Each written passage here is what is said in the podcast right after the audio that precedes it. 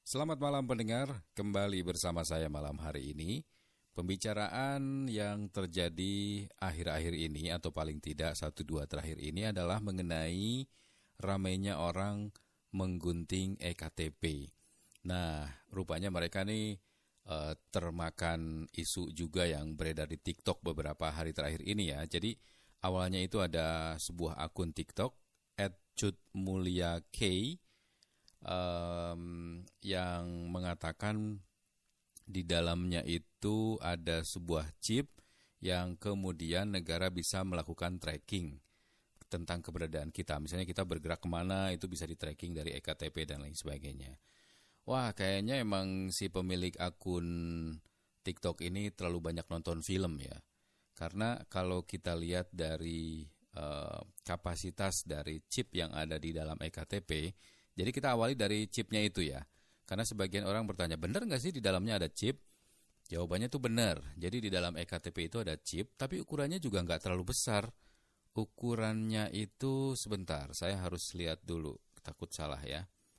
Ukuran chip yang ada dalam EKTP kita itu hanya sebesar 8 kilobyte. Nah, 8 kilobyte itu dia hanya mampu untuk menyimpan data foto, kemudian data sidik jari dan uh, data tanda tangan. Udah, cuma itu aja.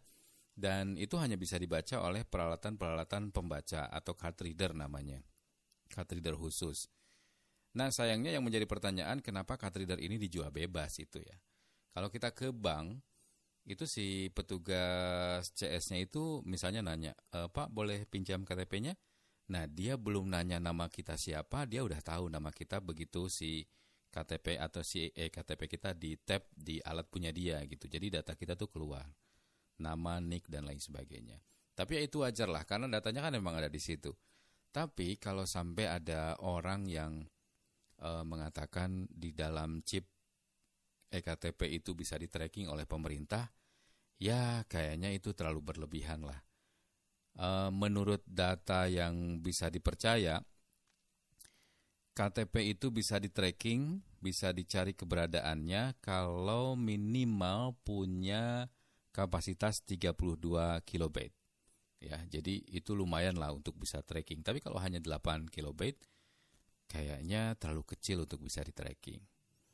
Gitu. Dan berita yang beredar nih rupanya gara-gara satu akun TikTok itu banyak sekali masyarakat yang rela menggunting uh, chipnya karena ketakutan gitu, takut akan di tracking. Lah kadang-kadang ya, emang kitanya siapa mau di tracking sama pemerintah gitu penting banget buat pemerintah tracking keberadaan kita. Uh, hanya untuk melihat dalamnya, eh bener ya ada chipnya, bener tapi tidak untuk di tracking. Jadi jangan ikut-ikutan bodoh dengan menggunting.